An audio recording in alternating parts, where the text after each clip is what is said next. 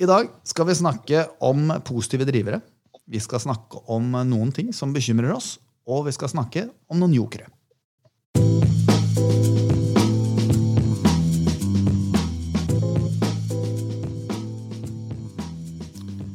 Og med meg som vanlig så har jeg selvfølgelig Christian Lie, vår sjefstrateg. Er du der, Christian? Det er jeg, som vanlig.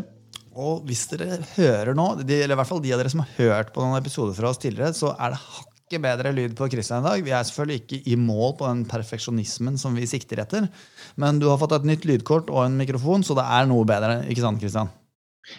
Det håper jeg virkelig. Ja, men det er det. Det høres, så, det høres nesten ut som vi sitter sammen, faktisk. Noe vi selvfølgelig ikke gjør i disse covid-tider. Og apropos covid-tider, hva er siste nytt på smittefronten? Nei, Siste nytt er at det fortsetter å gå stort sett i feil retning eh, mange steder. Eh, USA så har man sett eh, videre vekst i antall nye smittetilfeller. Eh, videre vekst i antall nye dødsfall per dag, i hvert fall hvis vi ser på glidende gjennomsnitt over de siste syv dagene. Eh, dog så har vi sett tendenser til en utflating i antall eh, sykehusinnleggelser.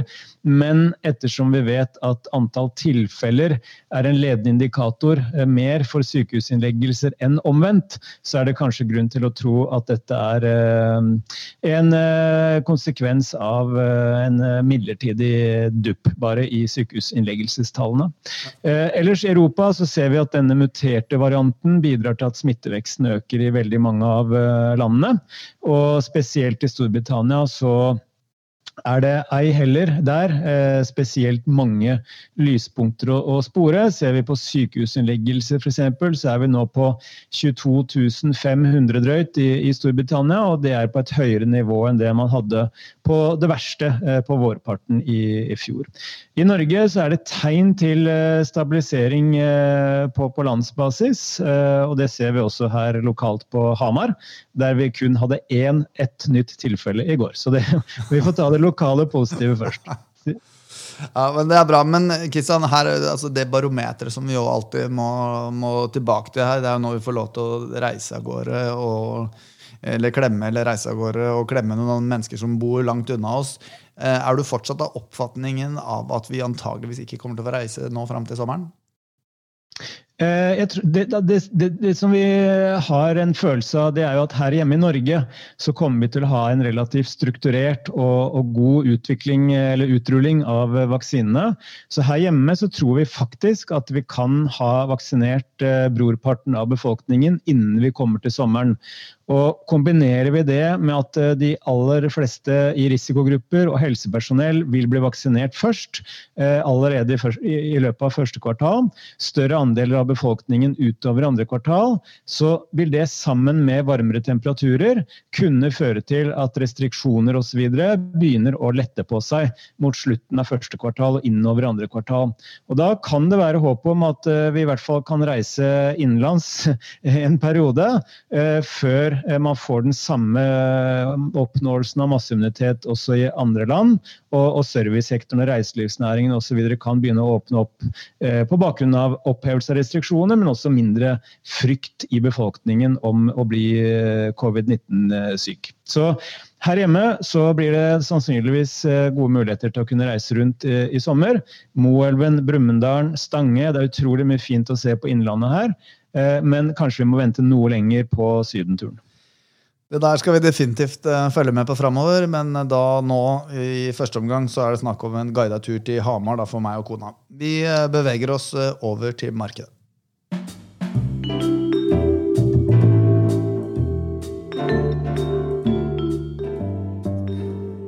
Fortell meg litt om de positive driverne dere ser nå, Kristian.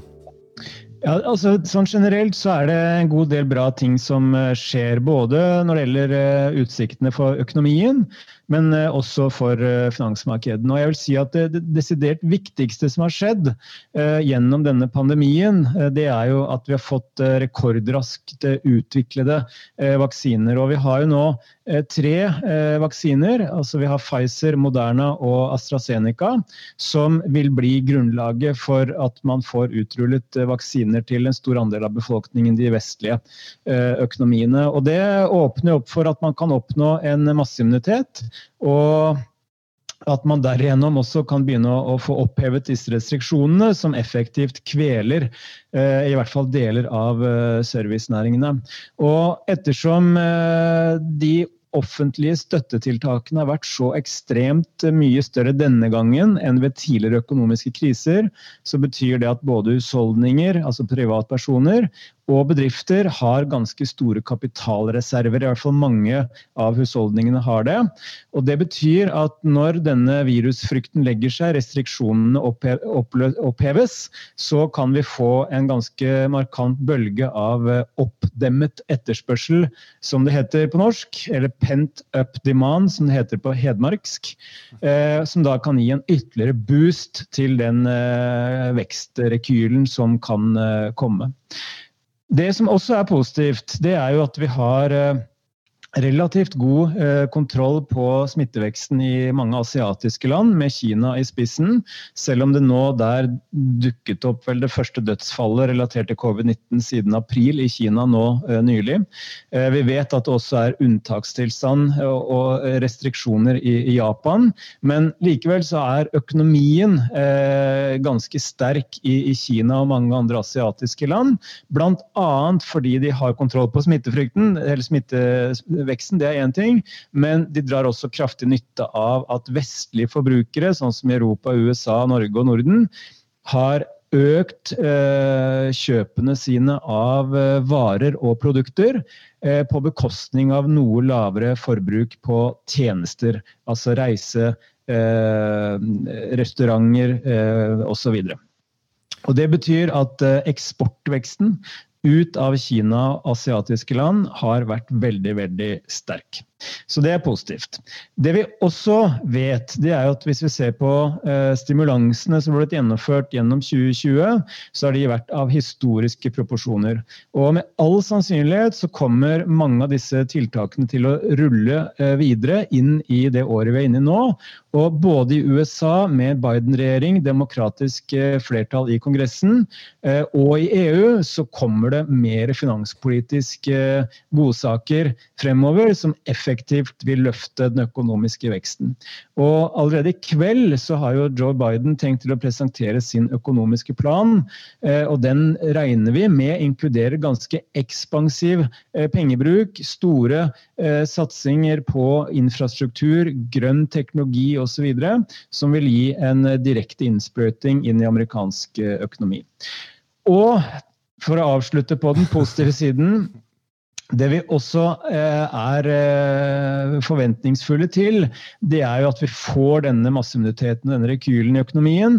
Og det gjør jo at eh, selv om vi nå går inn i en tøff vinter med smittevekst og restriksjoner, så tror vi at veldig mange investorer vil være forberedt på å se igjennom en del av de svakere økonomiske nøkkeltallene som sannsynligvis vil dukke opp fremover. Så alt i alt ganske mye positivt å ta med seg. Men det er ikke bare positivt, og det er også noen ting som danner grunnlag for bekymring her. Og hva er det? Jo, eh, det er jo også relatert til eh, koronaviruset, dessverre. Og eh, mer spesifikt disse muterte virusvariantene som dukker opp i yt og pine. Nå har vi jo hatt en britisk variant, vi har hørt om en sørafrikansk variant. Og jaggu meg så har det ikke også dukket opp en japansk eh, variant. Eh, mulig også en, eh, en, en, variant til. Eh, men det som er da utfordringen med dette her, det er jo at smitteveksten, altså eh, disse nye muterte variantene, er mer smittsomme enn den opprinnelige gamle varianten.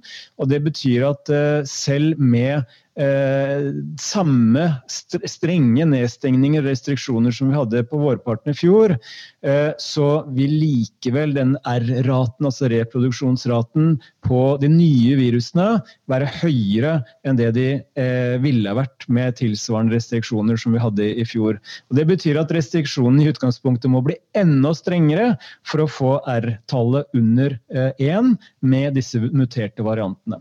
Og Det øker sannsynligheten for at at myndighetene må stramme til mer eh, fremfor å kunne lette opp, i hvert fall på kort sikt. og Da snakker vi om de hardest rammede eh, landene, f.eks. Storbritannia, USA flere av de andre landene på, på, det europeiske kontinentet.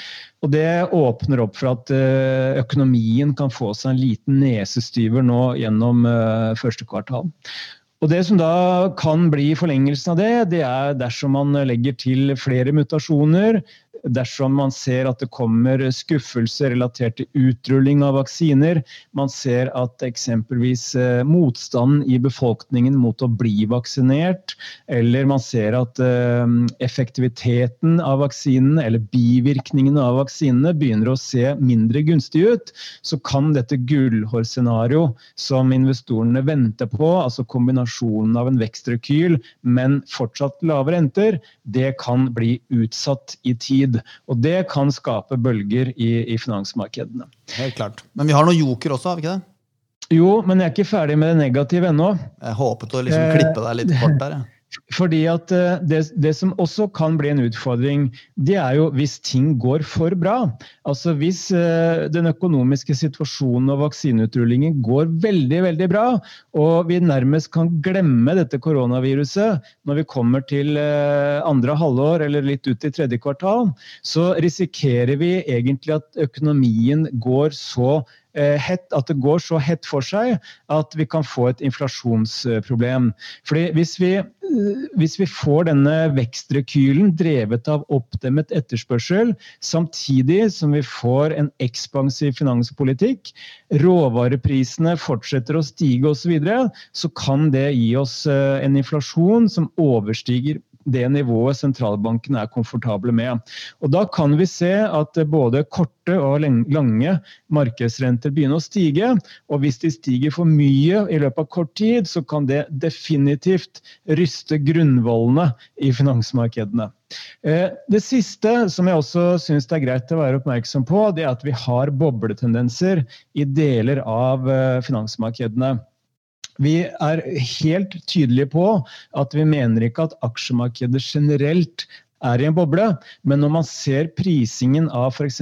Tesla-aksjen eller bitcoin, eller man ser at disse såkalte penny stocks i, i USA, eh, altså aksjer med lav pålydende verdi, som man da kan eksponere seg for rett og slett med, med småbeløp, stiger 230% på en dag og sånn, så, så, begynner man jo å få litt sånn dårlige vibber.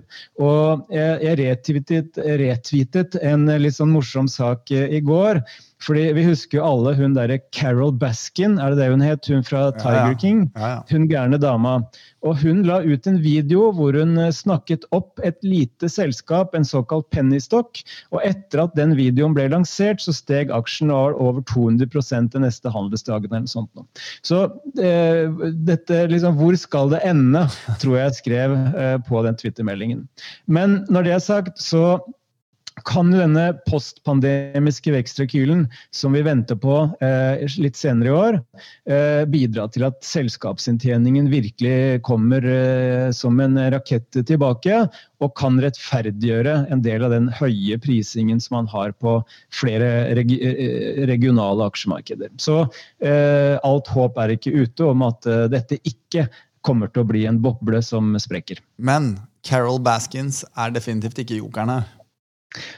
Nei, det er hun definitivt ikke. Eh, hvis vi er veldig kort på dette med jokere, så er det helt konkret. Det er smitteveksten, det er vaksineutrullingen og det er tidspunktet for oppnåelse av masseimmunitet. Det er det ene. Det neste er inflasjonsutvikling, renteutvikling og ikke minst den amerikanske dollaren. Fordi hvis den amerikanske dollaren fortsetter å svekke seg som den har gjort nå de siste månedene, så fungerer det egentlig som smøring for verdensøkonomien og for eksponering mot globale aksjer utenfor eh, USA. Skulle vi derimot få en kraftig eh, dollarstyrkelse, så vil det gjerne da sammenfalle med stigende amerikanske renter, for da eh, vil man da eh, se på amerikanske aktiva som mer interessante igjen, f.eks. amerikanske statspapirer eller amerikanske eh, aksjer. og Da vil det også kunne føre til at rentene begynner å, å stige. Så det kan være at eh, både inflasjon, renteutvikling og dollarutviklingen kan bli avgjørende for hvordan aksjemarkedet eh, absorberer det som skjer gjennom eh, året. Det vi også skal følge med på, eh, det er hvordan politikerne i EU og i USA retter seg inn mot teknologisektoren, og da snakker vi om regulering. Fordi vi vet at politikerne på begge sider av Atlanterhavet har en klar torn i siden til en del av disse teknologigigantene som de mener utnytter sin dominerende markedsmakt, bl.a. til å svekke konkurransen i, i økonomien. Og dette kan bidra til at både Eh, forretningsmodellene blir forhindret i å gå den retningen som selskapene selv ønsker. Det kan påvirke omsetningen, og det kan påvirke inntjeningen, ikke minst da prisingen av disse selskapene, som jo er dominerende, spesielt i det amerikanske aksjemarkedet. Eh, den fjerde eh, jokeren, det vil jo være hvorvidt Eh, hvis vi får denne postpandemiske vekstrekylen, når vil sentralbankene og politikerne begynne å signalisere at nå trenger vi faktisk ikke å pøse på med så mye stimulanser lenger? Fordi Vi vet jo at eh, stimulanser det har blitt som dop for finansmarkedene. Og man har fått en høy terskel for nye, eh, ny tilførsel av dette dopet.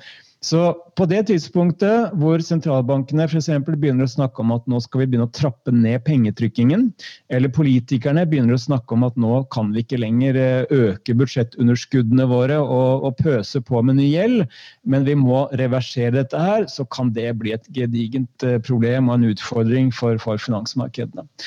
Og det siste, som kan også bli en joker, kanskje spesielt på den politiske fronten, som vi har sett uh, grufulle eksempler på i USA, det er jo at pandemien egentlig bare har forsterket den ekstreme økonomiske ulikheten som vi har sett uh, i, i, mange land, og ikke minst i USA.